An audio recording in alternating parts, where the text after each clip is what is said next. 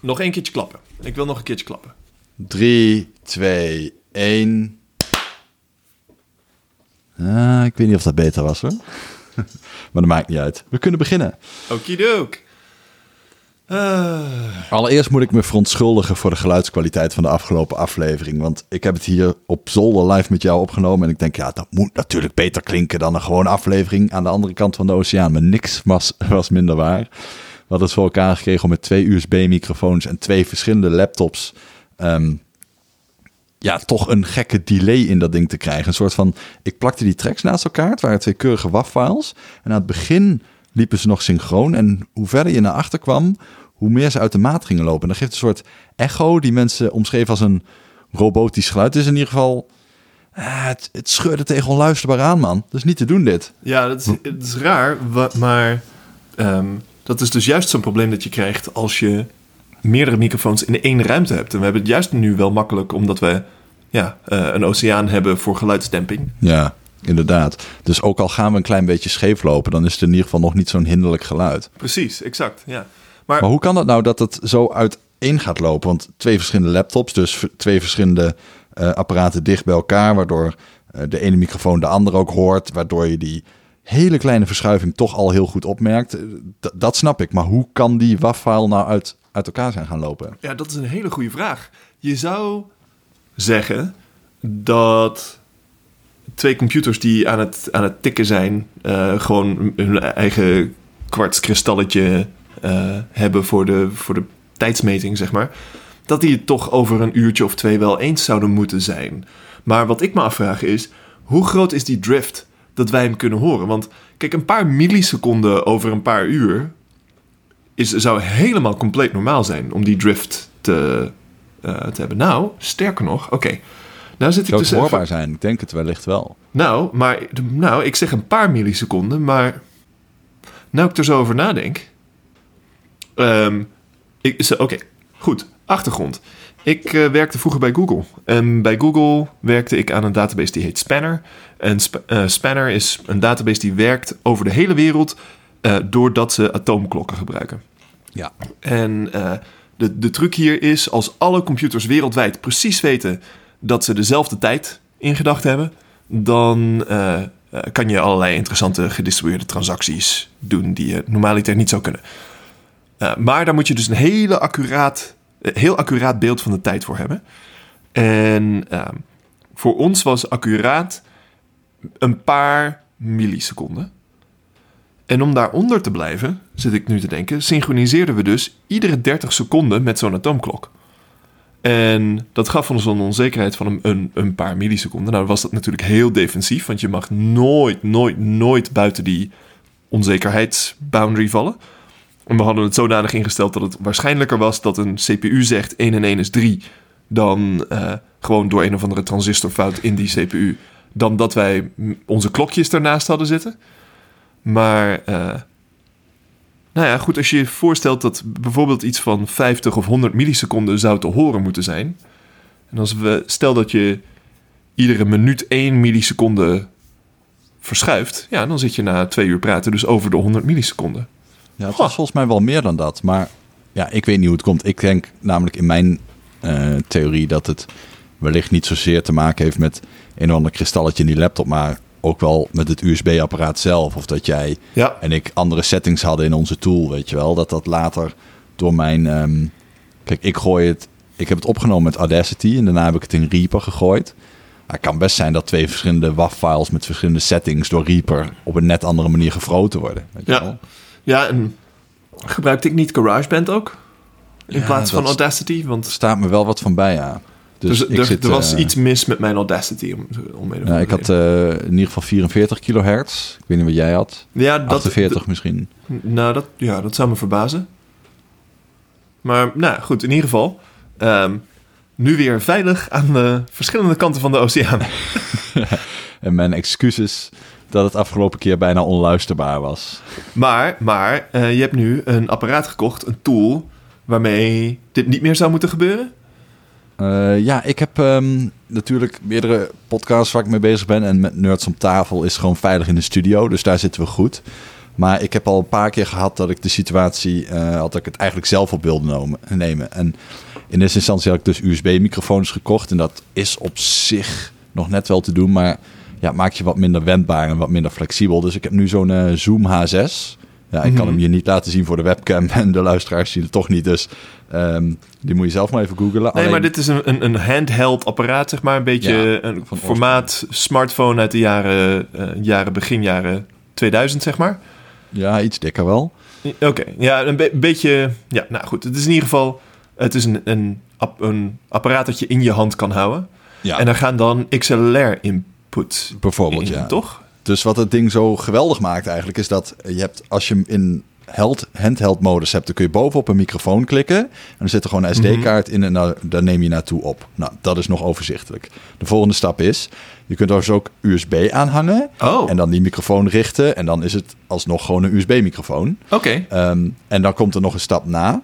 Eh, al die beide dingen kunnen ook eh, multitrack. Dus er zitten in totaal zes kanalen op. Oké. Eh, normaal als je een stereo microfoon bovenop klikt, dat is een soort proprietary module ding. Eh, op dat moment is dat een linker en een rechterkanaal, omdat het stereo is. Dus Ja. zijn twee van je zes kanalen op. Ehm, vervolgens zijn er vier XLR-poorten, maar er kan ook zo'n eh, ouderwetse, ja, hoe moet je zo'n ouderwetse plug-in, een beetje 3,5 mm jack, maar dan groter. Ik weet niet hoe die ja, heet. ja een- ehm, de... Wat is Ja, dat, een quarter inch of zoiets dergelijks? Ja, weet ik. ik weet welke je Dat is- bedoelt. is ook een drieletterig eh, naam. En die kan er ook in, eh, in alle vier die poorten. Nou, Mhm. dat is dus mooi, want je kunt dus zowel multitrack zes kanalen opnemen naar een SD-kaart eh, met AA-batterijen. En je kunt ook eh, gelijk datzelfde doen met USB naar een programma op je laptop. Oh, oké. het, het gaat dus nog verder. Je kunt ook in plaats van die microfoon die je er bovenop klikt, een proprietary nog meer XLR-poorten module kopen. Juist. Dan heb je dus zes XLR-poorten. Het wordt er wel, eh, moet ik erbij zeggen, mono van. Eh, want ja, Sure. het zijn zes, zes kanalen. Je kunt zeggen, ik wil kanaal 1 en 2 mengen naar een stereo-ding. En dan heb je dus een, eh, ja, in feite met twee microfoons alsnog stereo. Dat is prima, dat kan, kan gewoon. Mhm. Maar ja, voor mijn doeleinde is zes kanalen gewoon zes microfoons. Want stereo staat voor, voor een podcast eigenlijk nergens op. Nee, precies. Ehm, ja, dus ik heb gewoon nu een apparaat waarmee ik eigenlijk alles kan doen. En het voordeel is ook, ehm, je kunt dus als je hem boot, elke keer dat je de USB-stekker erin steekt, kiezen van welke modus wil je staan. En dan vraagt bijvoorbeeld, oké, ehm, wil je stereo of multitrack? Dan zeg ik, nou, wat ik nu met jou doe, doe ik stereo. Want ik heb gewoon één microfoon, dus één kanaal. Dan kan ik in dat programma gewoon zeggen, doe die H6 maar klaar. Dan hoef ik niet Precies. die microfoon te gokken, zeg maar. Eh, nou heb ik die labels inmiddels wel gefixt. Maar ja, in dit geval is stereo zat. Ehm, daarna vraagt hij, oké, als je het dan multitrack wil, wil je het dan ehm, ehm, vanaf de batterijen doen of met de USB-power? nou ja, ik heb nu gezegd USB-power, want ik zit nu achter mijn bureau, dat gaat wel goed. Sure. Maar als ik, eh, weet ik veel, onderweg ben of wat dan ook, ja, eh, doe voor de zekerheid die batterijen maar.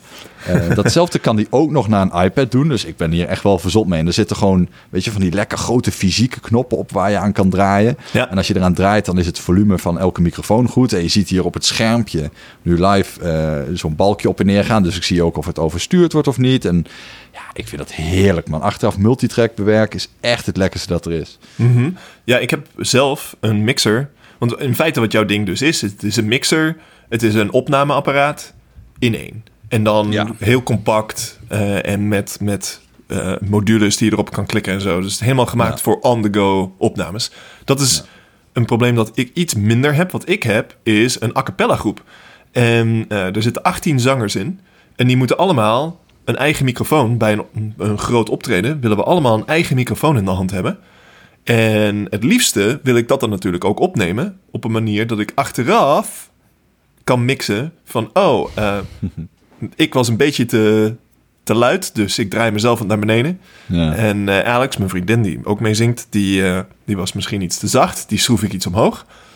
En dat betekent dus dat ik een mixer moet hebben waar 18 kanalen in gaan. En dan denk Jezus je, Christus. dat is wel echt een probleem. Nee hoor, nee. Dus 350 dollar voor een 18 kanaals mixer dat eh, over USB aangestuurd wordt door je computer Ja, of, je, Precies. of je iPad of whatever. En Ja, je kunt het duurder maken dan dat, maar dit is gewoon, eh, dit is gewoon wat het ding is. En als dat genoeg is, dan is dat gewoon relatief betaalbaar. Maar het is best wel cool, want dit, ik kan me herinneren dat eh, in mijn, in mijn tienerjaren had ik ook even een crush op audioapparatuur. En toen was een 18-kanaals mixer echt 2000 euro. Ja, dat is wel- En- ja, maar wat steek je daarin dan? Dan heb je van diezelfde microfoons, maar dan draadloos. Eh, nee, niet draadloos helaas, want dat is echt niet te betalen. Eh, dus ik heb eh, redelijk goedkope, stevige XLR-microfoons. En daar heb ik er 18 van. En die gaan gewoon gewoon met een lange een kabel van 10 meter of zo. precies lange XLR-kabel. die gaat de mixer in. En dan laat ik iedereen even in de microfoon tegelijkertijd zeggen wie ze zijn en wat ze zingen.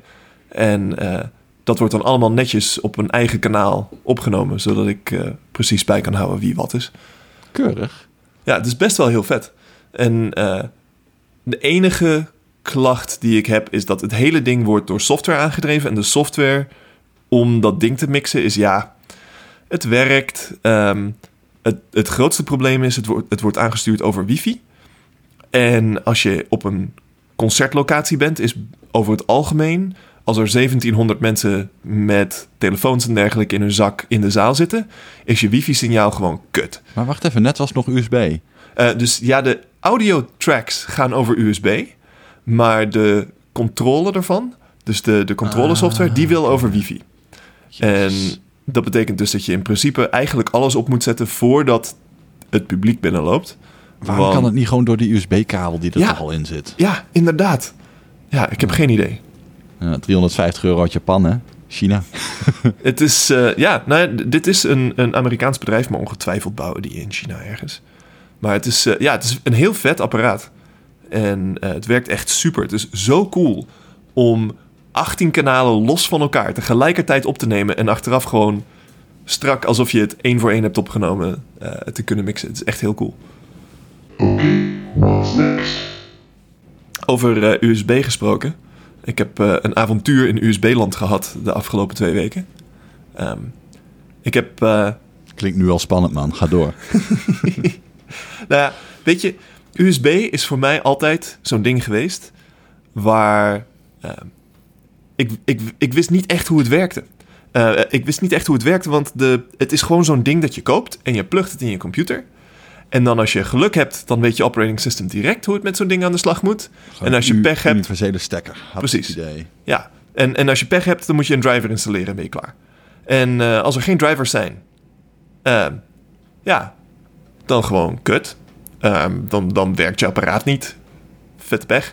Maar hoe dat dan werkt under the hood, eh, hoe je een, een driver daarvoor zou schrijven of, of überhaupt met software met zo'n ding praat, nooit een idee gehad.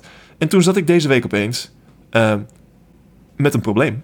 Namelijk eh, voor de, de start-up, voor mijn start-up waar ik mee bezig ben, hebben wij een sensor nodig, een lichtsensor.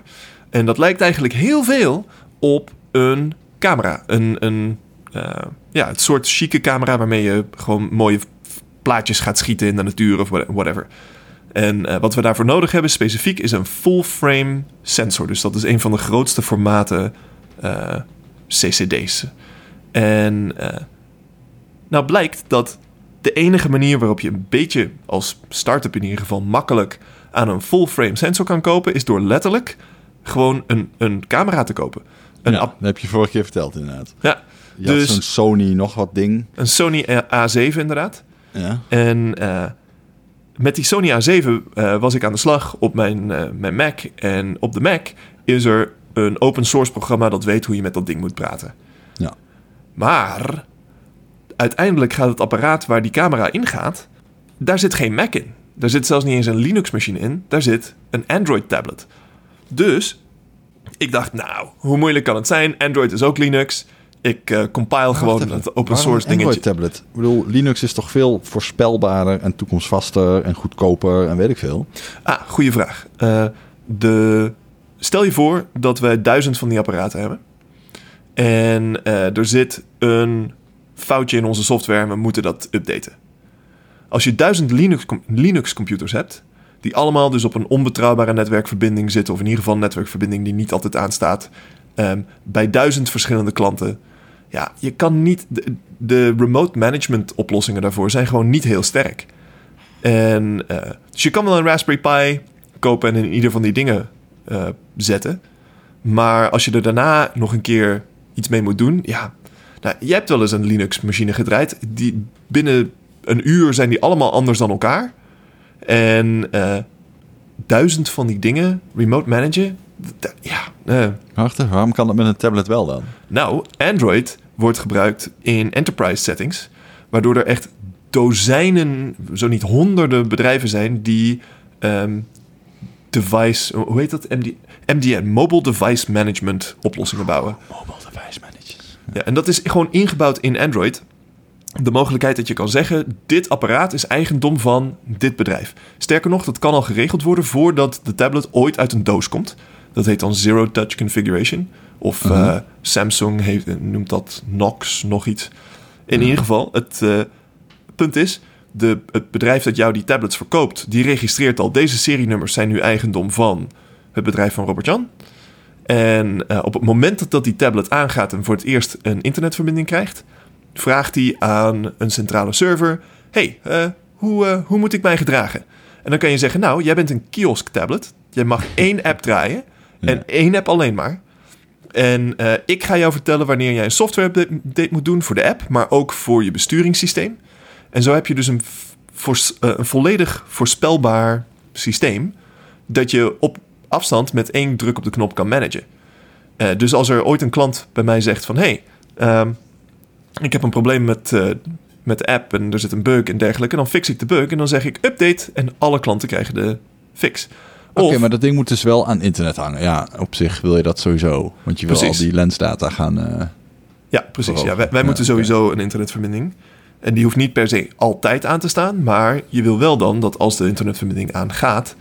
dat je op dat moment eh, even checkt of er updates zijn enzovoort. En ja, dat zit gewoon in Android zo lekker goed ingebakken. Maar is dat Android-ding dan ook een soort van het logic board eigenlijk? Eh, Ja, ja, hij precies. draagt zich in feite als... Oh ja, oké, nu, nu ging je USB aansturen. Precies. Dus vanaf die tablet, waar ik dus straks een app op heb draaien, dat is dus onze user interface. Maar dat, dat is dus ook waar we willen dat de logica zit. Die zegt van, nou, er zitten een aantal bewegende onderdelen in dat, eh, in dat apparaat. Ehm, ga naar positie XY, eh, draai de lens zo en zoveel graden enzovoort. En dan neem een foto met die camera die, de, die we erin hebben zitten. Nou, dat XI gebeuren enzovoort, dat was nog eigenlijk best wel makkelijk. Want daar heb ik gewoon een, een, eh, een open source hardware board voor gekocht. eh, dat, eh, dat vijf motoren aan kan sturen. En dat gaat allemaal gewoon hartstikke soepel. Dat, protocol is gedocumenteerd enzovoort. Dus dat was hartstikke makkelijk. En ik dacht, nou ja, voor die camera, die A7, ik compile gewoon de library die ik op mijn Linux-pak gebruik. Eh, ge- compile ik voor Android en klaar. Ja, nee. Dat was dus e- niet zo makkelijk. Dus ik heb, godverdomme, ik heb twee dagen gezeten met Wireshark zitten kijken naar de bitjes en bytes die over mijn USB-verbinding naar mijn camera schoven. Dat naast de source code van het open source eh, library die ik gebruikte gelegd. En dat was niet een, de meest leesbare library, kan ik je vertellen. En dat dan weer naast het debug log dat die library uitspuugt als hij een operatie waarom, doet. waarom moet dat zo moeilijk? Ja, waarom? Nou, waarom? Omdat één, ehm, ik het dus niet kan betalen om een eh, sensor te kopen waar ik de, de spec, de communicatiespec al van heb. En twee, eh, van de goedkope, eh goedkope RUS-sensoren, zo'n zo'n Sony A7 is eh, 800 dollar. Eh, dat is dan de goedkoopste full-frame sensor die je kan krijgen. Ja, ehm, daar moet je dus de communicatieprotocol van reverse engineeren. Het was op zich wel een uitdaging. Maar goed, ik heb dus nu een veel beter begrip van hoe USB werkt. En het is in feite gewoon een netwerkverbinding. Is je vertrouwen daardoor groter of kleiner geworden in de mensheid? Ehm, ah, eigenlijk groter tot op zekere hoogte. Want ik snap nu beter hoe iets werkt. En eh, ik heb meer vertrouwen in het, in het idee dat ik zelf alles wel kan fixen. Min of meer. Nice. Maar goed, het is best wel een lekker moment als je op je tablet op een knopje drukt. En de camera zegt dan klik en stuurt je een plaatje. Dat je zoiets hebt van ja, ieder beetje een bytje dat er nu overheen eindelijk gaat. gelukt. Ik weet precies wat dat betekent. Nice. Okay, what's next? Maar eh, hoe is het in eh start-up land op dit moment voor jou? Ehm, nou, eigenlijk heel leuk op dit moment. We zijn eh, eh, we zijn met een aantal dingen bezig, maar voornamelijk toch gewoon het bouwen van ons product. En dat is altijd het leukste onderdeel. Eh, we hebben de afgelopen twee weken echt als een, een gek zitten bouwen aan die Android-oplossing en de elektronica waar die mee moet praten. Dus het aansturen van die motoren, het nemen van foto's met onze camera. dat is voor ons de, de afgelopen weken echt de focus geweest. En ondertussen, eh dit is voor mij op zich ook wel grappig, eh, ben ik voor het eerst van mijn leven aan het praten met advocaten, met accountants. Ehm, het is allemaal een beetje. ehm, ja, ik denk dat ik dit over een paar jaar heel vervelend en saai ga vinden. Maar op dit moment is het nog hartstikke spannend en leuk, want het is nieuw. Ja, precies. Nou, daar, daar heb ik al wel vaker met dat beltje gehakt. Maar ja, goed, naast leerzaam en het feit dat je dat soort gesprekken gewoon even moet voeren, is het natuurlijk niet iets waar je de rest van je leven mee bezig wil zijn, al te veel. Nee, inderdaad. Maar het is nu wel grappig. Ja, we hebben een, eh, eh, een general counsel nodig. Dus een, een bedrijf waar we een relatie mee hebben eh, voor op advocatengebied. Die wij kunnen bellen als we een, een snelle vraag hebben. En die dan weten waar wij het over hebben, zeg maar. En dat moet specifiek omdat we nu een vraag hebben die opgelost moet worden.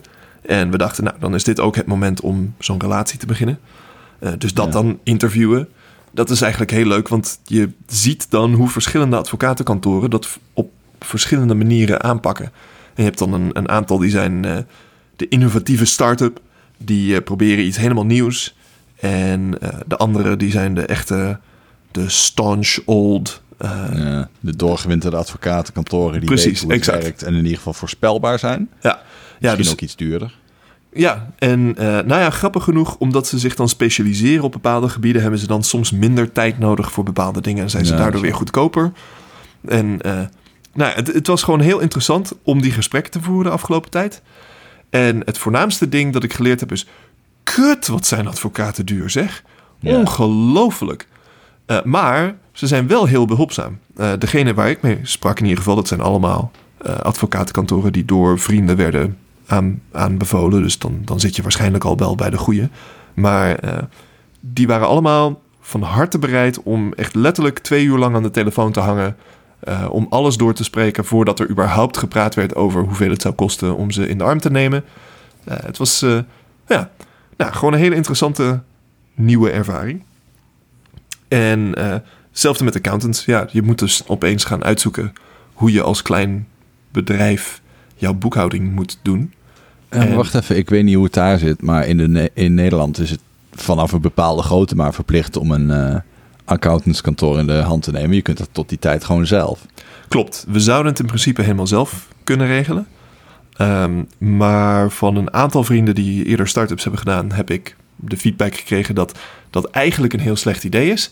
Omdat het gewoon godschuwelijk veel tijd kost. En dat is wat je tekort hebt in een start-up. Ja, precies. Relatief gezien is geld voordelig. Maar Hoe zit dat met het geld dan? Want je was bezig met de Friends and Family Round. En Klopt. toen ging je geld binnenhalen. En ik weet in ieder geval dat ik, eh, ik mensen ken die het wel interessant vonden, maar een heleboel kritische vragen hadden. Ja, Kom je ja. daar een beetje doorheen? Het meeste ging volgens mij over, eh, ja, ga je dat apparaat wel gefabriceerd krijgen? Ja, de, eh, die ronde die is nog steeds gaande. We zijn meer dan halverwege. Ik denk dat we van de 150k die we binnen willen hebben, hebben we er zo'n 100 nu, eh, in, nou ja, niet in de bank, maar eh, toegezegd. En eh, eigenlijk is de enige reden dat we niet al klaar zijn, omdat we het even geen prioriteit hebben gemaakt de afgelopen weken. We zijn nu heel druk bezig met het zorgen dat we dat een eerste versie, een eerste prototype van dat apparaat bij onze klant neer kunnen zetten. Want daar krijgen we dan weer feedback uit. Dat kost tijd. En uiteindelijk is onze grote deadline in mei om een echt eh, ja, verkoopbaar prototype, zeg maar, ehm, te hebben staan. En die deadline, dat, dat is wat alles nu drijft. En tussendoor zijn we ook even aan het geld ophalen. O- ja, klinkt een beetje stom. Maar het lukken dan in Ja. mei, een apparaat. tot nu toe eh, ben ik heel, eh, heel optimistisch. Mijn, eh, mijn medeoprichter Adrian, die zit op dit moment alweer in Hilversum, waar onze, eh, onze manufacturing partner, hoe zeg je het dan in het Nederlands? Onze fabrikagepartner. eh, Ja, dat weet ik ook niet. Eh, de, de, ja, de, de, de, de mensen die het echt moeten gaan bouwen. ja, precies. Nou, het, bedrijf dat deze markt eh, bekend wat betreft eh, het, het bouwen van apparaten voor deze markt.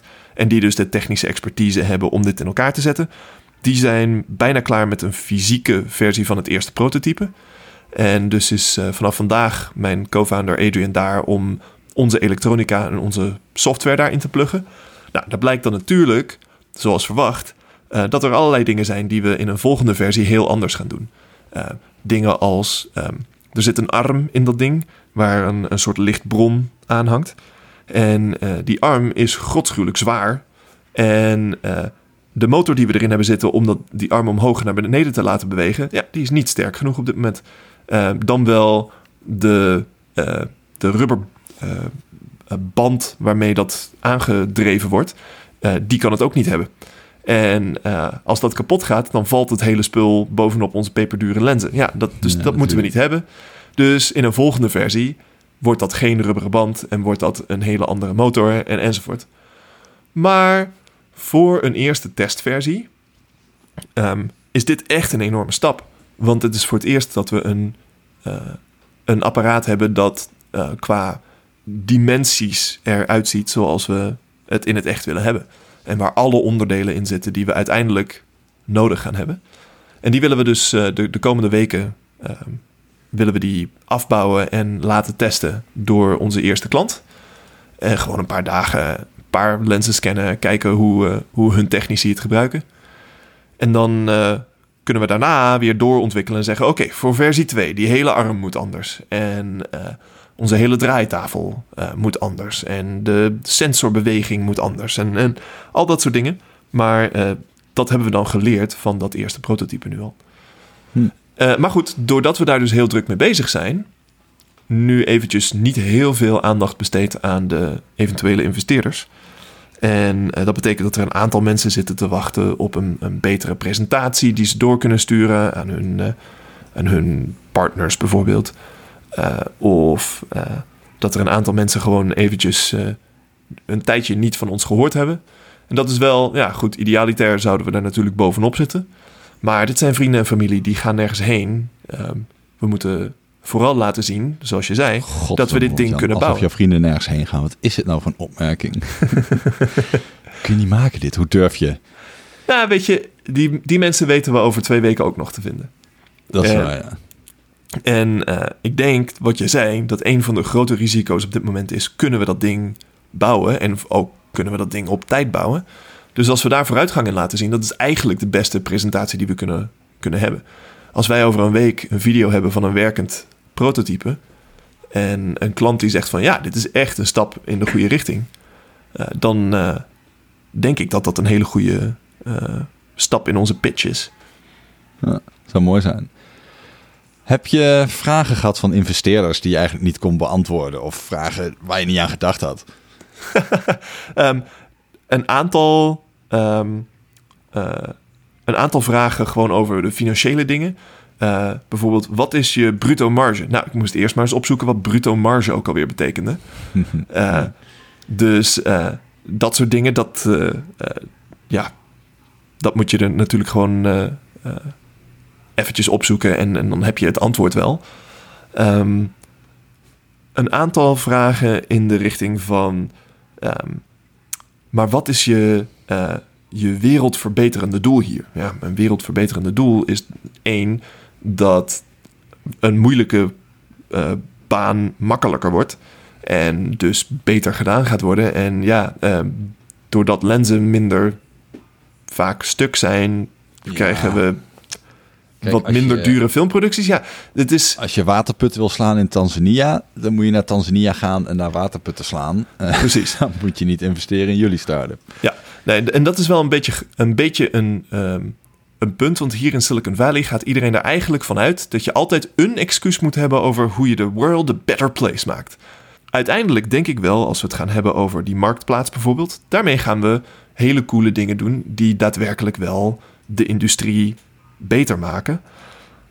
Maar ik kan niet zeggen dat ik dit bedrijf begonnen ben uit idealistische. Nee, het gaat niet Doel zo zijn dat als het jullie allemaal lukt en als je die moonshot haalt en je b-hacks komen uit, dat je dan op een gegeven moment Netflix in euro goedkoper ziet worden of zo. Je gaat het niet in je broekzak merken en er gaat ook geen... Nee. En zelfs ook, als Netflix een euro goedkoper wordt, wordt de wereld daar heel veel beter van? Kijk, wat, wat mij veel meer uitmaakt, is dat de mensen die op dit moment bij die eh, bedrijven staan die die lenzen verhuren, die zitten uren aan de telefoon met klanten die boos zijn. En zij zijn boos en dat is gewoon kutwerk. En ik ben op zich best wel opgewonden over het feit dat ik kutwerk straks uit handen ga nemen. En eh, dat is leuk. Maar ja, kan je dat idealistisch noemen? Ja, ik kan het uitgebreid gaan lopen spindokteren als we dat nodig hebben. Maar eh, ik denk dat voor deze start-up is voor mij het, het, het doel heel veel leren.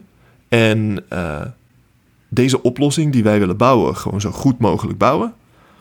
En met de cloud die we daarmee krijgen, ja, daar kan ik allerlei leuke dingen mee doen. Het is op zich wel makkelijk. Hè? Je zegt gewoon, ja, al die dure lenzen, die worden zo snel afgeschreven. En wij kunnen helpen voorkomen dat dat gebeurt. En wanneer een lens echt is afgeschreven, belandt die in de oceaan. En dan valt die bovenop de kop van een haai. En dan gaat die haai heel hard huilen. En als wij dus helpen die lenzen minder snel af te laten schrijven, dan worden ze ook minder snel weggegooid. Ja, precies. Nou, dat soort dingen. Ja, dat is ook gewoon waar. Ehm, en weet je, minder mensen die stress hebben, betekent minder hartaanvallen en eh blijere families en enzovoort. Ja, na- na- natuurlijk is wat wij bouwen uiteindelijk gewoon goed voor onze klanten. En, en anders dan zouden ze ons ook niet kopen. Maar mijn persoonlijke drijfveer hier is meer mijn persoonlijke groei en het groei van de mensen waarmee ik werk. ehm, dan het zeggen van ja, ideali- idealistisch gezien vind ik dat het grootste probleem op deze aarde afgedankte lenzen is. Ja, had er nog een grappige podcast van over ook. ja, ja, dat wel.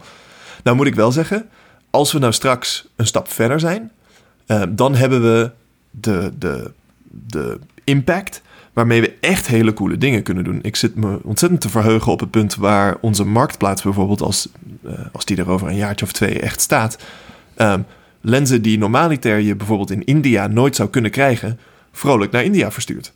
Want eh, daarmee krijg je dus op bepaalde plekken van de, in de wereld toegang tot apparatuur die je op dit moment gewoon niet kan krijgen. Dat soort spul, ja, dat is wel leuk. En daar zit zeker een idealistisch tintje aan. Maar het is gewoon te vroeg om te beloven dat we dat gaan fixen. En dat kan ik een, een investeerder op dit moment kan ik dat niet beloven. Een investeerder die op dit moment instapt, die beloof ik dat wij onze opperste best gaan doen om een economisch probleem dat onze eh, klanten hebben op te gaan lossen. En daarvoor eh, een, een gezond bedrijf neer te zetten. Heel goed. Okay, what's next? Hé, hey, maar Randal, jij hebt eh, kind nummer twee is onderweg. Eh, Zo'n eh, wat nog zes maandjes te gaan, zoiets dergelijks. Ja, een half jaar. Ja, dus eh, zit jij daarvoor over dik in de stress? Of heb je zoiets van, nou, nummer man, twee, die eh, makkie. Doen we even. nou ja, ik moet wel eerlijk toegeven dat eh, ten eerste het, het feit dat je alles al weet. Hè? Er- zijn geen grote verrassingen. Je hoeft niet meer. Nou, je- oké, je doet wel mee aan zo'n bevallingscursus gewoon om het even op te frissen. Maar ja, weet je, je hebt de routine al. Ehm, het enige waar ik een beetje tegenop zie is weinig slapen. Maar ja, voor mij persoonlijk, ik vond het eigenlijk tijdens de eerste zwangerschap allemaal al een stuk minder heftig dan dat het voor eh vrouwlief is. Maar ja, het is nu, nu alleen maar extra. Ik weet wat me te wachten staat. Eh, tot nu toe is alles goed. Met de echo's gaat het prima. We hebben op zich al eh, een van de twee namen die je moet verzinnen eh, geregeld. En wellicht, als je binnenkort zo'n echo doet en er komt een geslacht uit, zijn we al lang klaar met die naam. ja, weet je, ik heb, ik heb wel veel leuke gesprekken met mensen die inderdaad al twee kinderen hebben. Of, of, of nu voor het eerst ouder worden, weet je wel. Dat ik gewoon nu kan vertellen als autoriteit op dit gebied hoe het is om je eerste kind te krijgen. Maar ik vind die tweede nou niet routine, maar op dit moment voelde het voor mij ook niet heel heftig. Het is wel, vind ik jammer dat je niet een kind kunt krijgen dat al gelijk twee jaar is bij geboorte. weet je wel? ik merk het nu wel echt eh, eh, aan, aan onze eerste dat je gewoon, eh, wat mij betreft eigenlijk na, na een jaar of twee, anderhalf, ehm, ja, toch een heel stuk meer lol in hebt. Ik heb nu zoveel contact, contact met dat jochie en we voelen elkaar zo leuk aan. En je kunt echt gewoon spelletjes doen en woordjes leren. En, en dan is het ook gewoon leuk om tijd samen te besteden. In plaats van dat er zo'n hopeloos propje mens een beetje ligt te schudden in een wieg en af en toe begint te huilen. En, en dan heeft hij het weer warm en dan koud en dan voeren. Weet je, er komt op zich wel een boel liefde bij kijken, maar tegelijkertijd is het ook ja, op een hele cynische manier to- toch een beetje een blok aan je been. Dat je, maar je kunt nergens heen en je moet erop passen en je slaapt slecht. En Ja. Ja. ja, ik vind dat, dat, dat stuk lol dat je in de eerste paar weken hebt gewoon een stuk kleiner. Dan is het veel meer gewoon, gewoon zorgen voor, voor een kind. Ja. En ehm, ja, het schijnt, en dat is natuurlijk ook niet onbelangrijk, dat eh, zo'n tweede bevalling vaak ook wel een stuk makkelijker gaat. En ja, we weten al ongeveer wanneer het komt. En eh, het jaar is wat dat betreft al wel redelijk eh, gepland. Ja, ik weet niet. Ik heb er eigenlijk, als ik heel eerlijk ben, eh, nog niet superveel gevoel bij verder. De, je bent wel ondertussen al aan het eh, verhuizen eh, in je eigen huis. Je hebt Ja, jouw, jouw werkkamer opgedoekt. Je zit nu op zolder. En dat wordt de, de tweede kinderkamer. Ehm, zijn er verder nog dingen waar je zoiets hebt van... Nou, ik ben echt al heel druk aan het voorbereiden. Nou, dat is wel grappig, want het is eigenlijk helemaal niet ehm voor de hand liggend of, of, of, of evident, moet ik zeggen, dat je op dit moment al met die kinderkamer bezig bent. Maar we kregen een hele goede tip van eh, nou, mijn schoonouders, Miekes ouders. Die zeiden, joh, als je een tweede kind krijgt, is het misschien wel slim om al juist vroegtijdig te gaan beginnen met het verhuizen van die kamer. Om de simpele reden dat als dat eh, tweede kind komt en dat eerste kind wordt dan acuut verhuisd van kamer, dat hij zich een beetje eh, verplaatst of verbannen, eh, gepasseerd kan voelen. En dacht ik, ja, Jezus Mina, dat is wel, dat is wel slim. Want kijk, die kinderen, die zijn ook, ook kleine mensjes, die zijn echt niet dom. Nee. Eh, die hebben heus wel door van, joh, ik word er even aan de kant gewieberd voor dat nieuwe schepsel dat hier opeens ligt. Ja, En ehm, daarom zijn we nu alvast begonnen. Ehm, het heeft voor mij wel een tweede extra uitdaging gelijk, want ik ga dan ja, bijna automatisch naar Zolder. En we hebben beneden een best wel grote woonkamer. Maar goed, daar ga ik niet zitten podcasten. Ehm, dan hebben we boven eh, gewoon een badkamer en ja, eigenlijk drie slaapkamers. Nou, één daarvan was mijn studeerkamer. En het jeukte mij al heel lang om op die studie- studeerkamer met name eh, echt al geluidsisolatie op te gaan hangen. En zorgen dat ik er een beetje mijn studiootje van maak. En ja, ik had gewoon wat dat betreft al heel erg jeukende vingers. ja. Dus hebben we dat gewoon ja, twee vliegen in één klap gemaakt. Ik ben naar Zolder verhuisd. En dat wat mijn studeerkamer was, dat wordt dan straks eh, de kamer voor Toby, die er al is. juist. En, wat en, en wanneer verhuist Toby dan van kamers? Is dat gewoon ja, nu binnenkort ASAP? ergens. Ja. Eh, er is nog een eh, IKEA-kast die we willen hebben. En er moet nog een muur geverfd worden. En dan zijn we redelijk klaar. Ehm, het probleem is vooral dat we nu volgende week op wintersport gaan. Dus dan, eh, dan wachten we dat in ieder geval nog even af. Sure. Ja. Nou zijn IKEA-kasten ook niet onbetaalbaar verder. Maar goed, dat, eh, dat komt allemaal vanzelf goed. Ehm, het enige wat me wel opviel is, en dat vind ik echt wel heel grappig. Ik ben dus eh, op zolder een beetje losgegaan met het aanschaffen van allemaal van dat schuimfolie en dergelijke. Om in ieder geval de, de ergste reflectie op te vangen. Ik moet zeggen, dat helpt ook wel. Ik heb het, om eerlijk te zijn, ook, ook wel in een leuk patroontje hangen. Dat is niet 100% nuttig, maar ja, ik had zoveel panelen, dus, dus het gaat. Ja. Ehm, maar ik heb wel gemerkt twee dingen. Het eerste is ehm, die dynamische microfoon waar we het over hebben gehad. Die doet eigenlijk al 90% van het werk. Laat het 80 zijn. Weet je wel? Zodra ik dat ding neerzette, ook al is het een galmende kamer.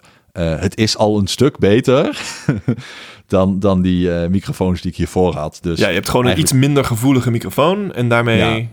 veel minder last van omgevingsgeluid. Ja, eh, dat is het eerste.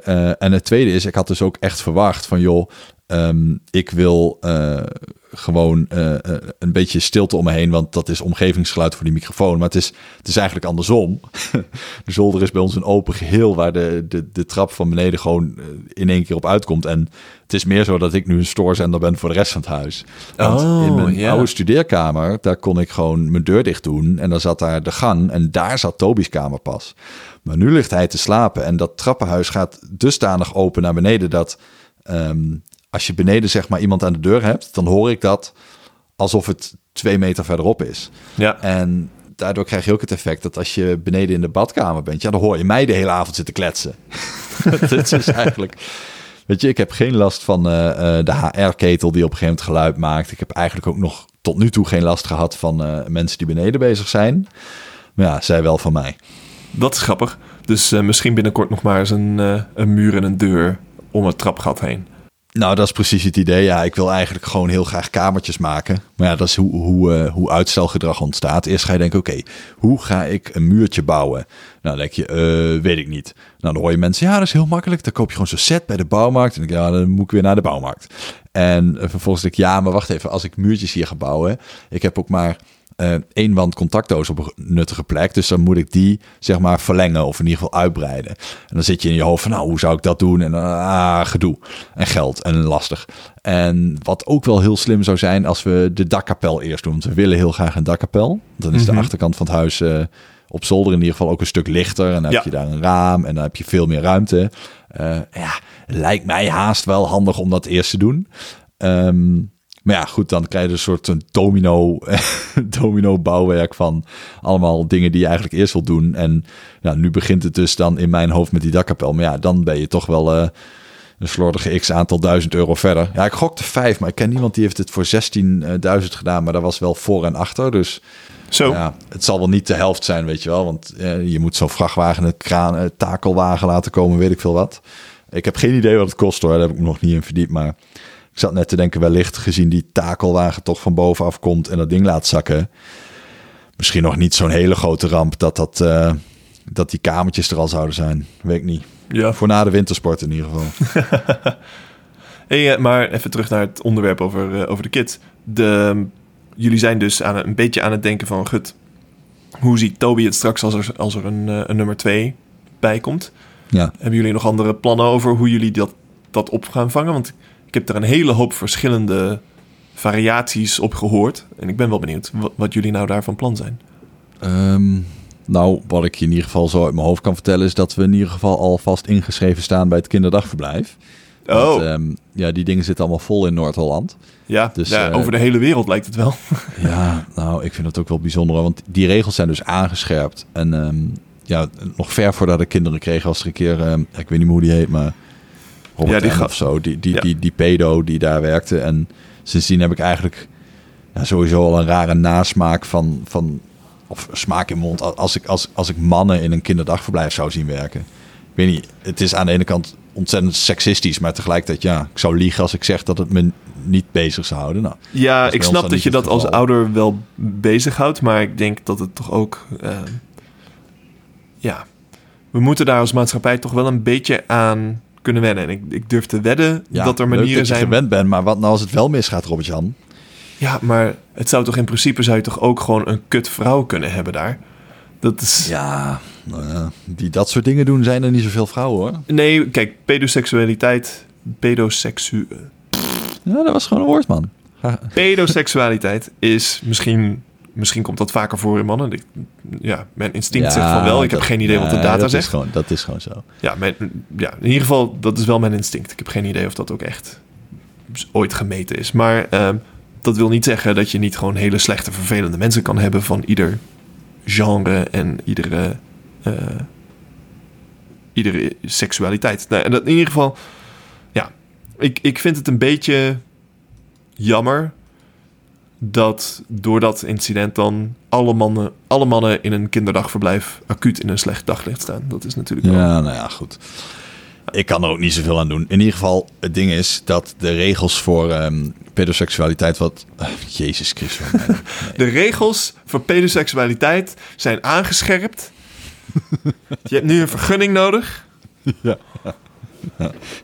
Ja, en je busje moet ook door de APK zijn gekomen. Ja, precies. Exact. Trenchcoat mag niet van eh, bond zijn. Nee. Ehm, nee, nee, dus eh, kinderdagverblijven moeten aan steeds strengere regels voldoen. En ehm, een aantal van die regels zijn eh, hoeveel pedagogisch medewerkers je per hoeveel kinderen moet hebben. En hoeveel baby's er tegelijkertijd mogen zijn in een groep en al dat soort dingen. Nou, die regels worden steeds strenger. En dat betekent twee dingen. Aan de ene kant, ja, wachtrijen worden langer, want je hebt meer mensen nodig in die branche. Nou, die heb je A, niet binnen een generatie en B, het waren er toch al te weinig. Nou, het tweede wat het betekent is vanzelfsprekend. ehm, ja, die, die, die eh, kinderdagverblijven worden gewoon duurder. Hè, jaar in, jaar uit. Ja, Nou, op zich wordt dat in, in mijn geval wel redelijk opgevangen... doordat de eh, belastingregels in zijn algemeen wat gunstiger uitvallen. Dus ik heb wat minder kosten. Ehm, maar ja, goed, het is wel zaak dat je je kind zo snel mogelijk inschrijft, inderdaad. En ehm, het is wel fijn dat je inderdaad eh, op het moment dat je al één kind hebt daar... ehm, je wel wat hoger op de lijst komt te staan om ook die tweede dan daar te brengen. Want het zou natuurlijk wel heel gek zijn dat je gezin hebt met vijf kids en dan eh, stad en land af moet rijden, het hele dorp. Ja. Bij elk kinderdagverblijf één. Oh ja, en, eh, en Henkie die mag niet, want die is, eh, helaas buiten de boot gevallen. Die mag thuis blijven. Weet je wel, dat, dat, dat werkt ook niet. Nee. Ehm, maar ja, ik vind dat wel moeilijk. Ik heb wel gemerkt, het is, eh, het is ontzettend duur. En eh, wij hebben al het kinderdagverblijf dat het vers van ons huis vandaan is. Ik denk, als je de kaart pakt van Castricum en je kijkt eh kinderdagverblijf en je zoekt mijn huis, dan zeg je, ah, grappig, die is wel heel ver weg. Ja, nou, die hebben we dus. Hadden geen keus. Ja. En ehm, ja, weet je, ik ben er heel blij mee. We halen hem daar echt niet meer weg nu. Maar ja, het is ook wel gewoon elke dag eh, eh, een kwartier extra reistijd voor mij. Weet je wel? Ja. Dus ja, dat, dat, dat keer, hoe vaak eh, werk je in een jaar? Ja, het tikt allemaal wel weer aan. Maar volgens mij ging je vraag daar niet over. Je bedoelde meer opvoedkundig volgens mij. Ja, ja, ik zat het meer opvoedkundig te denken. Ik had überhaupt niet aan kinderdagverblijven gedacht, maar dat is natuurlijk wel een logische ook. Ja, dat is prio 1, man. Ik bedoel, al hoe je hem ook opvoedt, je moet hem ergens laten. Ja, Dus ja, ja natuurlijk. Eh, nog andere dingen die je opvoedkundig dan in gedachten hebt? Nou, ik denk dat ik het gewoon maar aan moet zien. Weet je, de, de, de andere mensen in mijn omgeving die bevriend zijn en twee kinderen hebben, daar gaat het eigenlijk vrij natuurlijk. Kijk, er zal een dynamiek ontstaan tussen die twee kinderen. Maar Toby is nu net op een leeftijd dat hij ook echt gaat uitproberen en, en het grappig vindt als ik boos word. En ja, dat, dat, dat, dat begint nu eigenlijk te ontwikkelen. Ik had laatst, ehm, ja, dit weekend zelfs, eh, met, met, met, ja, eigenlijk goede vrienden waar we veel mee afspreken en regelmatig eh, de kinderen op een hoop gooien. Ehm, een discussie, eh, we, we gingen uit eten en we zaten daar en toen ging de discussie over of je je kinderen überhaupt mag slaan. Ehm, nou, wil ik niet zeggen dat ik losse handjes heb en denk eh, ehm, hoe vaker je kind slaat, hoe meer ervan houdt. Ehm, ja, ik, het is wel iets dat me bezighoudt. Het is, het is niet iets dat ik nu al heb gedaan. Maar ik merk wel eh, dat Toby het gewoon steeds bonter begint te maken. Die gaat gewoon steeds verder kijken waar die grens ligt. En ik heb een beetje het dogma in mijn hoofd van... joh, eh, je moet eh, de, de minimaal noodzakelijke hoeveelheid... ehm, force, kracht gebruiken. Hè, dus dus, dus een, een, een boze blik is, is, is het minimum. Vervolgens zeg je ook nee. Vervolgens schreeuw je nee. Eh, daarna loop je er eh, op af. En uiteindelijk krijg je een tik op de vingers. En ja, tot nu toe kom ik een heel eind met nee en hem afleiden vooral. Eh, maar ja, ik voel nu al een beetje op mijn klompen aan dat, dat, dat die een keer straf zal moeten gaan krijgen. Want hij is, ja, weet je. Maar er zijn nog wel andere, de streep gaan. er zijn wel andere vormen van straf dan slaan. Of een tik op de vingers. Ja, je kan hem iets Negeren. je kan hem iets afpakken, je kan hem eh, op de gang zetten. eh, roep maar wat. Tegen de tijd Ja, dat hij... Maar goed, weet je, je wil ook niet hebben dat je een kind van twee pakt. En ja, ik bedoel, zo slim is hij nou ook nog niet. Dat als je hem op de gang zet, gewoon lekker de trap oploopt en eh, denkt, haha, weet je. In zijn geval, op het moment dat ik hem halverwege die trap weer naar beneden trek, is hij al lang vergeten wat hij heeft gedaan hoor. Ik bedoel, Ja, het, het- ik zit iets meer te denken als hij ietsjes ouder is. Want kijk, ja, hij, hij heeft de... Hij luistert nu nog naar nee en afgeleid worden. Maar ik zit meer te denken als hij ietsjes ouder is en dat misschien niet meer werkt. Wat werkt er dan wel? maar die vraag die alle luisteraars bezighoudt, Robert-Jan, is het nou moreel om je kind te slaan? Probeer je ons toch weer in een moraliteitsdiscussie te trekken? Nee, Eh, dat is gewoon mijn vraag aan jou. Ehm, hmm, het is een goede vraag. Ik heb er nooit echt over nagedacht. Ehm, Kijk, ik heb het niet over je hand zo ver mogelijk achter je rug strekken en met volle gewicht je bovenlijf en, en, en, en, en het momentum van je pols in de strijd gooien. Hè? Niet, niet zo uithalen en pets dat hij tegen de muur vliegt. Ik heb het echt gewoon over gewoon wel ja, voelbaar. Ja, nou weet je wat voor mij het probleem is? Kijk, mijn, mijn instinct is om te zeggen nee. Ehm, want eh, dat is gewoon een beetje hoe ik ben opgevoed. Eh, en dat is een beetje de, de, de veilige moral high ground in onze maatschappij. Mhm. Ehm, maar als ik er nou over nadenk, wat zou nou echt mijn bezwaren bij het, eh, het, het, het slaan van een kind? Denk ik, ja, kijk, en, wat jij noemt een tik op de vingers is. ehm, ja, het, het- je noemt het is nauwelijks slaan. Het is meer gewoon het gaat een, in een- principe meer om het schrik-effect haast. ja, het is een, een, een, een kleine Een fysieke feedback van... hey, dit, dit... Nee. Weet je, net als dat als de, als de poes probeert een, eh, eh, iets te eten wat ze niet mag... dan, eh, dan duw ik de neus weg. Weet je, dat... een- Maar meneer agent, het was gewoon een kleine fysieke feedback. ja, maar goed. weet je wat ik het, het, wat, wat ik het probleem vind in het, het, zelfs met het tik op de vinger, is dat het heel makkelijk is om vervolgens te zeggen, nou, weet je, dit was gewoon een ferme tik op de vingers. Nou, dit was een tik op de neus. Dit was een tik op de wang met eh, gebalde vuist. Weet je, het was, het, het, het is een, ehm, het slippery slope argument, dat als je eenmaal gewend bent om iets te doen, dan iets een klein beetje meer doen, is, is best makkelijk. En het is eigenlijk veiliger ehm, om je helemaal aan nul te houden. En eh, daar niet. ehm, want dat is heel makkelijk meetbaar. Je kan heel makkelijk zeggen van 0 is 0 en 0.1 is niet 0. Maar als je zegt van ja, mijn grens ligt bij, eh, bij 0.3, ja, dan is 0.35, 0.4. eh, dat kan ook nog wel. Maar 0 is 0 is, gewoon, is makkelijker vol te houden. En dat heb ik een beetje hetzelfde bij dingen als alcohol. Eh, ik drink niet, helemaal niks, nul. En ehm, onder andere is dat omdat ik weet dat ik een redelijk ja, eh, verslavingsgevoelige persoonlijkheid heb. En eh, ik denk dat als ik wel met enige regelmaat echt zou drinken, dat het voor mij veel te makkelijk zou zijn om daar in door te schieten en te veel te drinken. Dat is volgens mij voor iedereen zo hoor. Nou ja, en nou, maar goed, nee, het- niet iedereen, maar... ja, er zijn mensen die dat, die dat beter managen dan anderen. Maar ik denk dat de meeste mensen denken dat ze het beter managen dan dat ze het echt managen. Maar je bent nu eigenlijk aan het betogen dat het slaan van je kind verslavend is. Dat, dat is eigenlijk je punt. Ja, ik, ik denk het wel. Het is namelijk een, een, makkelijk, eh, een, eh, een makkelijke uitgang. Weet je, alle andere opties waar je op een wat meer mentale manier aan de gang moet. Maar goed, je bent nog ingewikkelder. ook. Maar je hebt wel een punt. Ja, nou ja, goed. Ja, verslavend klinkt natuurlijk raar. Maar het is heel makkelijk als je een keer echt boos bent en je hebt niet die limiet van 0 is 0, dan is het heel makkelijk om over je eh, moreel acceptabele grenzen heen te gaan. Ja, voor de duidelijkheid, kijk, ik heb het tot nu toe nooit gedaan. Hoewel, niet helemaal. Ik, ik heb wel één keer, ehm, toen waren we gewoon aan het stoeien. En toen tilde ik hem op en toen ging ik lopen. En toen beet hij me keihard in de nek. En toen heb ik eigenlijk uit, uit reflex zo hem echt gewoon te ruw van me afgetrokken. Zeg maar, dat je, dat je er zelf van schrikt. Maar dat ging gewoon letterlijk uit reflex, weet je. En dan heb ik zoiets nou, Zelfverdediging. eh, ja, nou, jammer dan. Maar als, als iemand... Weet, dat zal elke ouder begrijpen. Want Ja, nee, Elke- natuurlijk. Iedereen met kinderen die snapt dat ze af en toe ook echt het bloed onder je nagels vandaan kunnen krijgen. Nou ja, Eh, en, en, maar en goed, kijk, als je zegt, is het, is het immoreel? Ja, dat weet ik niet. Ik vind het namelijk... ehm, Maar het- kijk, het is wel anders. Hè? Want jij hebt die, dat geval heb jij dus onthouden. En dan heb je bij jezelf gedacht van... oh, dit was niet ideaal. nee. Het was niet iets wat jij actief in zou zetten als Nee, opvoedmiddel. Het gebeurde gewoon. Maar, Maar dat is wel anders. is- mijn punt is, het, kijk, oké, het werkt wel. Weet je wel? Het is, het is wel in die, in die schaal van minimum necessary force, waar ik het net over had, wel een van de uiterste redmiddelen. Weet je, het is niet zo dat het kind niet begrijpt wat er gebeurt. En het is ook niet zo van, ik wil je slaan of wat dan ook, maar als je een beetje mazzel hebt, dan, dan leer je er wel een lesje mee.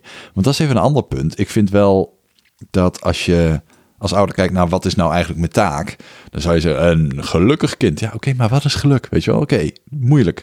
Maar als je zegt Mhm. ik wil een capabel kind, oké, nou daar kun je wat mee. Weet je, ik wil een kind dat zich staande kan houden in de wereld en dat eh, is klaargestoomd op hoe de wereld echt is. Oké, eh, now we're getting somewhere. Weet je wel? Nu, nu hebben we het ergens over. Dus ik heb wel in mijn hoofd van oké, ik wil een kind dat enigszins is aangepast op anderen. Niet omdat ik vind dat je altijd naar andermans pijpen moet dansen, maar je wel te doen met een maatschappij. En je, kunt, je komt gewoon een stuk verder als je niet door iedereen gehaat wordt.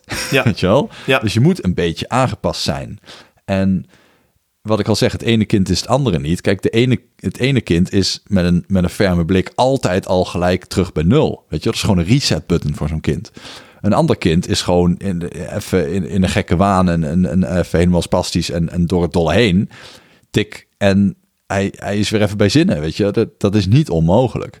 Dus het is wel iets wat... ehm, het, het, het moet wel werken voordat ik ooit zou zeggen dat het een goed idee is. Weet je wel? Of, Ja. of, of nog niet eens dat. Het is wellicht nooit echt een supergoed idee, maar ja, wat nou als het werkt? Nou, ja, wat mij betreft zou ik zeggen. ehm, kijk, het, het hoogste doel hier is natuurlijk inderdaad een, een kind dat eh, aangepast, maar ook inderdaad gelukkig is. Ehm, ik heb meer kinderen, denk ik, vernacheld zien worden door mensen die wel slaan. ehm, en daar dus in, in doorschieten.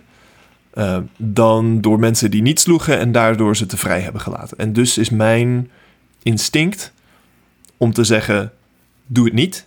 Zoek andere methodes die wel, wel werken. En weet je, dat kan het, het, het afpakken van een favoriet speeltje zijn. God, een van de dingen die ik me het, het sterkst kan herinneren van toen ik een, eh, een kind was en me misdroeg, is dat mijn slabbetje werd weggegooid. Want ik had een, Weggegooid. ja, ik had een slabbetje waar ik erg dol op was.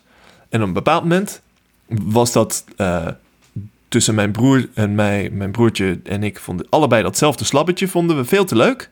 Toen hadden we ruzie over wie het slabbetje mocht. Toen hadden mijn ouders iets van, nou, dan mogen geen van jullie dat slabbetje. Slabbetje gaat weg. Nou, echt een, een, Holy shit. een, een schokmoment voor mij. Dat, dat, dat ik zoiets had, daar gaat mijn favoriete slabbetje. Mijn god. Nou, dat, dat was een opvoedmoment. En in plaats van dat ze dus die ruzie opraken door ons met, met fysieke dingen terug te brengen naar de, naar de werkelijkheid van godverdomme, het gaat gewoon over een kut slabbetje. En hadden ze iets van, nou, slabbetje weg. Ik Ja, moet wel dat zeggen, je als je het hebt over immorele opvoedkundige zaken, dan is dit enorm. Holy shit. Ik bedoel, nou oké, anders. Vind jij dat dit ehm, de best mogelijke manier van handelen was? Hielp het? Het, was, eh, het, het hielp zeker. Eh, het was ook. ehm, ik denk dat het aanzienlijk beter was dan mijn broertje en mij een tik verkopen. Eh, en het is me waarschijnlijk ook beter bijgebleven. Nou, dat sowieso, want je komt er nu opeens ook mee. ja, precies. Nou ja, weet je, het- ja, ik heb geen idee. Ik, ik, ik heb niet zo ontzettend veel herinneringen van die tijd dat ik je nou ook kan vertellen of het acuut daarmee beter werd. Ehm, of dat het volgende slabbetje dat we leuk vonden, dat we daar wat minder over vochten. Ehm, maar het, het, mijn punt was meer, er zijn manieren om je kind ehm, een mentaal tikje te verkopen die niet zo slippery slope mogelijk verslavend, quote-unquote, zijn als, eh, eh, als fysiek een tik verkopen. Ja, me eens. Ik hoop dat ik het bij deze combo kan houden, want dan eh, zit ik op lekker weinig slaan. Nou ja, dat, dat zou natuurlijk ideaal zijn. Nou, we hopen dat Toby zich gedraagt. Toby, Ja. als je dit over tien jaar luistert. Papa houdt van je. Ja, Okay, what's next? Wij kregen een, eh, een week geleden bericht dat eh, mijn oma in het ziekenhuis lag. En dat was na een herseninfarct. En Ach, dat jee. was eh, ja, op zich best wel heftig aan de ene kant. Maar ik wist ook niet precies wat dat in zou houden. Ik, ik heb wel meer mensen, eh, of ken ik, die, die zoiets hebben gehad. En dan weet je, dat- die zijn even van de leg. Maar ehm, het, het kan in principe ook wel weer goed komen. ja. Dus het was een beetje ja, onzekere periode. Want mijn oma die is eh, ehm, eigenlijk heel positief eh, op een avond naar bed gegaan. En toen heb ik ook toevallig nog WhatsApp contact met haar gehad. Want dat was de avond dat ik mijn oma heb verteld dat ze ehm, eh, nog een superkleinkind kregen. Wij noemen dat superoma en superkleinkinderen. En ehm, dat eh Mieke en ik weer in verwachting zijn. ja. En eh, daar reageerde ze nog heel positief op. En toen is ze naar bed gegaan. En toen is de volgende ochtend eigenlijk heel verward aangetroffen. Ze was echt bezig met allemaal papieren over de hele vloer leggen en dingen. Ja, gewoon, ja, ik weet de details niet, maar in ieder geval, ze woont in zo'n niet verzorgingstehuis, maar ehm, ja, semi-zelfstandig, maar er is wel zorg in de buurt, zeg maar. Ja. Dus die kwam langs. En ehm, ja, het, het enige wat de rest van de familie eigenlijk zeker weet, is dat ze eh, in het ziekenhuis was. Want, want echt de details van die, die avond ervoor en, en wanneer het is gebeurd, die, die zijn gewoon niet bekend. Ja, Ehm, maar ehm, ja, het, het, het belangrijkste wat, wat mij eigenlijk gelijk opviel, is dat ze eigenlijk vanaf dag één dat ze daar lag en had het zelf heel goed door. Ze wist gewoon van oké, eh, er is iets in mijn hersenen stuk. Ik, ik zie de hele rechterkant niet meer en Ach, ik kom jee. niet meer uit mijn woorden. Dus ik, ik, ze wist dat er iets aan de hand was. En ehm, dat was voor haar ook eigenlijk de cue om te zeggen, joh, eh, wat mij betreft is het wel een keer goed geweest. Nou, dan begrijpt iedereen wat ik bedoel. En Ja. ehm, wat mij dus heel erg opviel ook, ehm, ja, ik, ik ben, er was dan een week later eh, zelf op eh, visite geweest en dan eh, hebben we het er ook wel over gehad. Ja, het is niet echt een gesprek te noemen. Je moet heel veel invullen, want zij komt gewoon niet voldoende uit de woorden. Maar ze snapt wel heel goed wat ik zeg. En ehm, ja, haar, eh, haar uitgangspunt is eigenlijk... joh, ik heb een super tof leven gehad. Dat blijf ik heel lang benadrukken. Maar ehm, ik weet ook dat het vanaf hier ook weer niet, eh, zeg maar... Het wordt geen vuurwerk meer. En ehm, ik vind het wel mooi geweest. Ja, En dat vind ik op zich al een discussie waard. Van joh, moet iemand dat zelf kunnen beslissen? Maar die, die discussie is al veel vaker en veel beter gevoerd. En door mensen die er veel meer mee te maken hebben gehad. En er veel meer verstand hebben gehad. Dus, dus parkeer dat even. Wat mij heel erg opviel is dat. eh, eigenlijk bijna tegen heug en meug voor mijn gevoel. De mensen in dat ziekenhuis toch al direct beginnen met revalidatie. Zeg maar.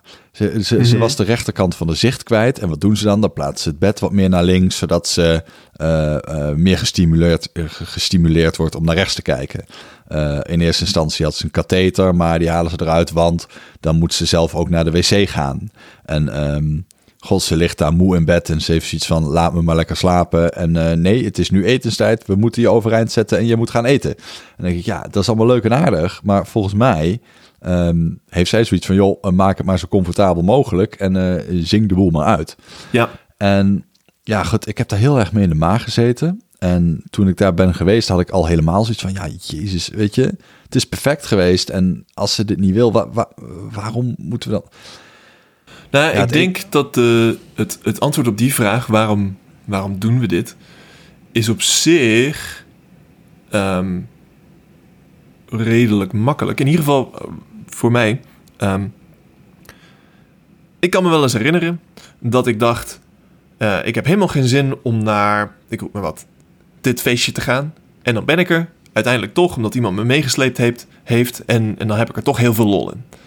En eh, zo kan het leven ook een beetje gaan. Eh, ze ligt nu in het ziekenhuis, ze voelt zich kut.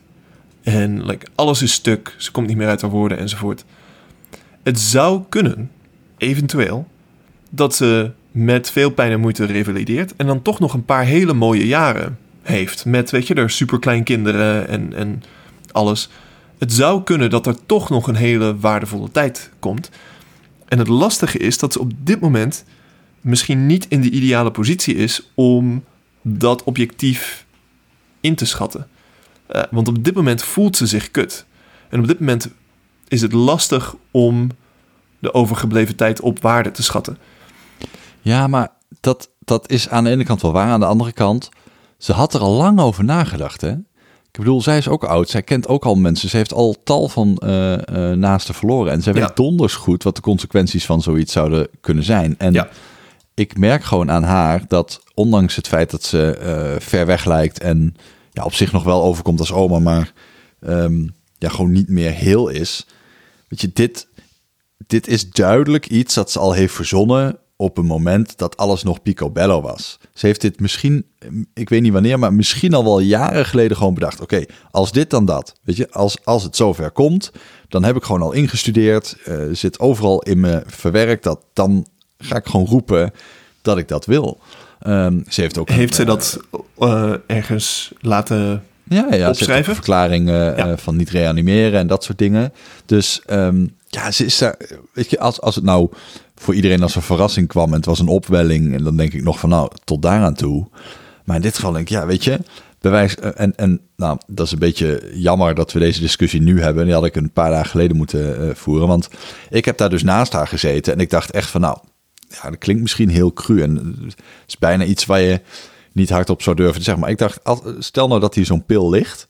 En er is even niemand in de buurt. En zij zegt, Randal, geef me die pil. Dan heb je kans dat ik het zou doen. Ja, dat kan ik me heel goed voorstellen. Maar ja. dat, dat, dat, dat, gevoel had ik recht bij. Ik dacht echt van, dit is, dit is prima. Je? Als je, wat je zegt klopt. Je hebt een topleven gehad. Bedankt voor alles. Ik heb er eigenlijk geknuffeld en gezoend van... joh, ehm, het, het was fijn en, en, en, en bedankt voor alle leuke jaren. ja. Maar, en dat is dus de spoiler, ze is dus vandaag wel naar een revalidatiehuis gebracht. En ze was dus inderdaad echt wel tien keer beter in de nopjes dan, eh, dan de week daarvoor. Ja. Ja, dat vind ik dan wel weer moeilijk, weet je wel. Ben je dan toch te snel aan het eh, concluderen? En op het moment dat dit nu een week heel goed gaat en daarna begint ze toch weer van, joh, eh, het is klaar, dan, oh mijn god, moet ik het dan wel zien? Eh, wa- Wanneer, wanneer Ja. moet ik wel blijven hopen? Wanneer is er wel een streep? Ma- Mag zij zelf die knoop doorhakken? Of moeten we er blij aan blijven trekken? Want stel nou dat er nog wat goede jaren in zitten. Jezus, Mina, wat is dat ingewikkelde materie, hè? Ja, absoluut. En, en ik denk dat ehm, dat het gesprek zo moeilijk maakt. Weet je, in, in Nederland is geloof ik de standaard onuitzichtelijk en ondraagbaar lijden. Dat is wanneer je in aanmerking komt voor euthanasie. En ehm, dat is niet alleen maar van, ja, ik heb er geen zin meer in, maar het moet echt bijna objectief vast te st- stellen zijn dat jij het heel kut hebt en dat het niet beter gaat worden. Vooral dat onuitzichtelijk ehm, is daar dan een, een hele Ja, maar even hoge standaard. van hoe de wet nu is. Wat, wat, Ja, wat, nou ja, wat goed, ik- vinden wij? Ik denk dat dat daar staat omdat het zo'n ontzettende moeilijke materie is. En pas als je min of meer ehm, ja, objectief vast kan stellen dat dit onuitzichtelijk en ondraagbaar is, is iedereen het erover eens. Ja, maar moet je dan iemand die 88 jaar oud is...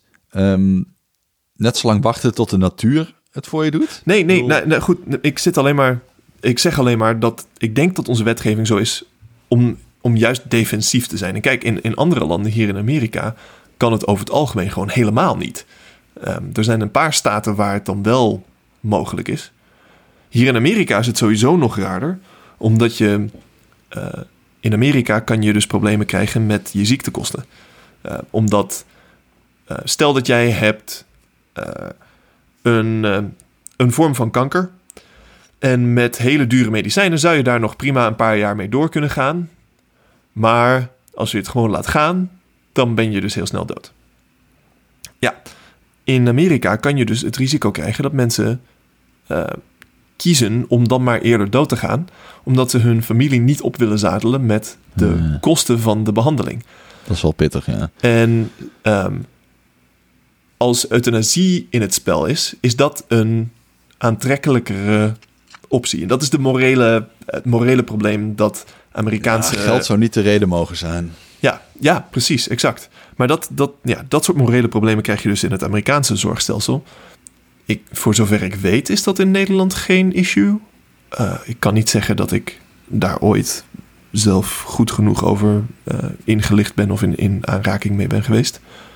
Maar ehm, ja, ik vind het lastig. Ik, ik, ehm, ik denk dat ik zelf wat eh, losser erin ben dan de wetgeving. Ik zou me goed kunnen voorstellen dat je op een bepaald moment als mens gewoon klaar bent. Ik heb zelf een oud-tante gehad die eigenlijk gewoon twee, drie jaar thuis in bed heeft gelegen, wachten totdat ze uiteindelijk dood mocht. Ehm, die heeft niet veel lol gehad in de jaren. En ik denk ook dat na een bepaalde tijd je ook wel kan zien dat die lol er ook niet gaat komen. Niet dat ze ehm, zich nou echt de hele tijd waardeloos voelde, maar ze had gewoon niet zoveel meer om voor te leven. En ja, fysiek voelde ze zich ook niet fantastisch. Dan zit je gewoon twee jaar op bed te Netflix eigenlijk. Ja, behalve dat ze dus geen Netflix snapte. Maar ja, inderdaad. En eh, ja, moet je, mag je zo iemand dan de optie geven om eerder uit te stappen? Wat mij betreft wel. Eh, wat de wet betreft nog niet. En ik snap waarom de wet daar dus zo zorgvuldig in is. Omdat het gewoon... Ja, eh, het, is heel eng om, bijvoorbeeld in het geval van jouw oma... misschien te vroeg eh, toch die knoop door te hakken. Ja, dat is ook een beetje hoe het nu op dit moment... Kijk, het is, het is work in progress, zeg maar. Het is een verhaal in ontwikkeling, maar... Ja, ik schrok er in die zin wel van dat ik bij mezelf dacht... Ja, oké, ik, ik, ik zou de pil bijna hebben gegeven als het kon.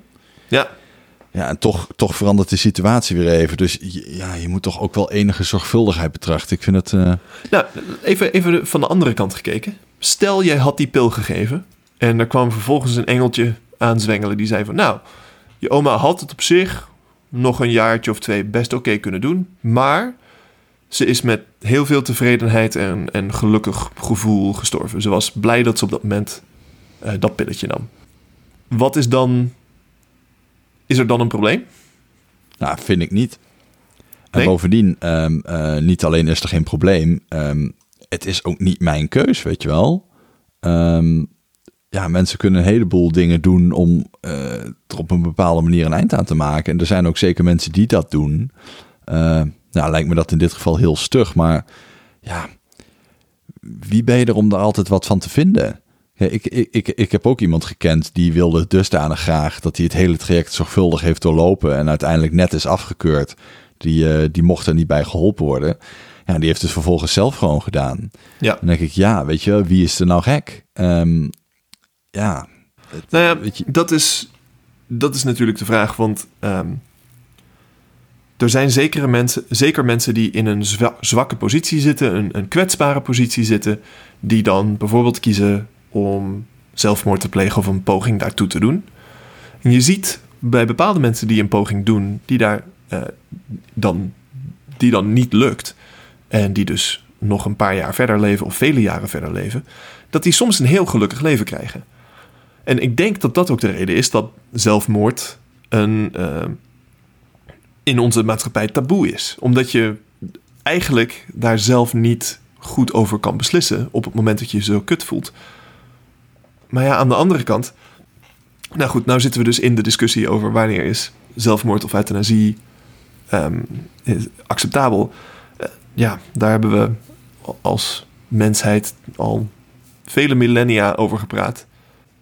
Ik, ik zie het risico wel. Um, ik, ik denk dat we daar niet compleet los in kunnen gaan en zeggen van nou, als je weg wil, dan uh, hier is een pilletje. Dat. Dat, je moet soms mensen wel een beetje tegen zichzelf in bescherming nemen. Mee eens.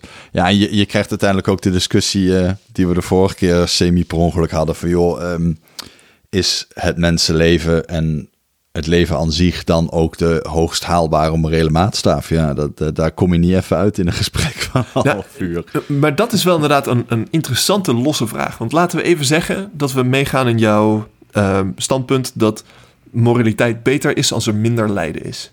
Mhm. Um, stel dat iemand op een punt van lijden uitstapt en in de toekomst misschien nog wel gelukkige momenten zou hebben gehad, maar op dat moment minder lijdt. Is dat dan een goed ding of is dat dan een slecht ding? En dat is heel lastig, want dat is, ja. Uh, je kan verschillende manieren verzinnen die allemaal een beetje intuïtief correct zijn. Je zou kunnen zeggen van, nou, op dat moment lijdt er iemand gewoon minder. En een bepaalde hoeveelheid lijden, daar moet je gewoon niet doorheen hoeven. En, en als je niet meer lijdt, dan, ja, dan is dat gewoon een, een nulwaarde voor het morele, uh, de morele weging. Dus op dat moment ga je van een minwaarde naar een nulwaarde en dus is het goed. Maar je kan ook zeggen, nou, we meten al het geluk dat er eventueel nog zou kunnen komen. Eventueel. Uh, gewogen op basis van de waarschijnlijkheid. En uh, dan zou het dus toch kunnen dat je een, eigenlijk nog in de plus zat. Nou, ja. Ontzettend lastig. Hey, vind je het goed dat we dat een discussie voor een andere keer noemen? Randall is moe en wil naar bed. ja. Je heeft zoiets van, god, als ik nu met Robert-Jan in discussie ga, dan word ik er over mij heen gewalst. Je voelt me haar fijn aan. Juist. Goed. Het blijft een wedstrijd, dat weet je. Het blijft een wedstrijd en uh, ik snap dat je het nodig hebt dat ik een jetlag heb als we discussiëren. dus uh, we doen dat gewoon een volgend keertje verder. Is goed, dankjewel.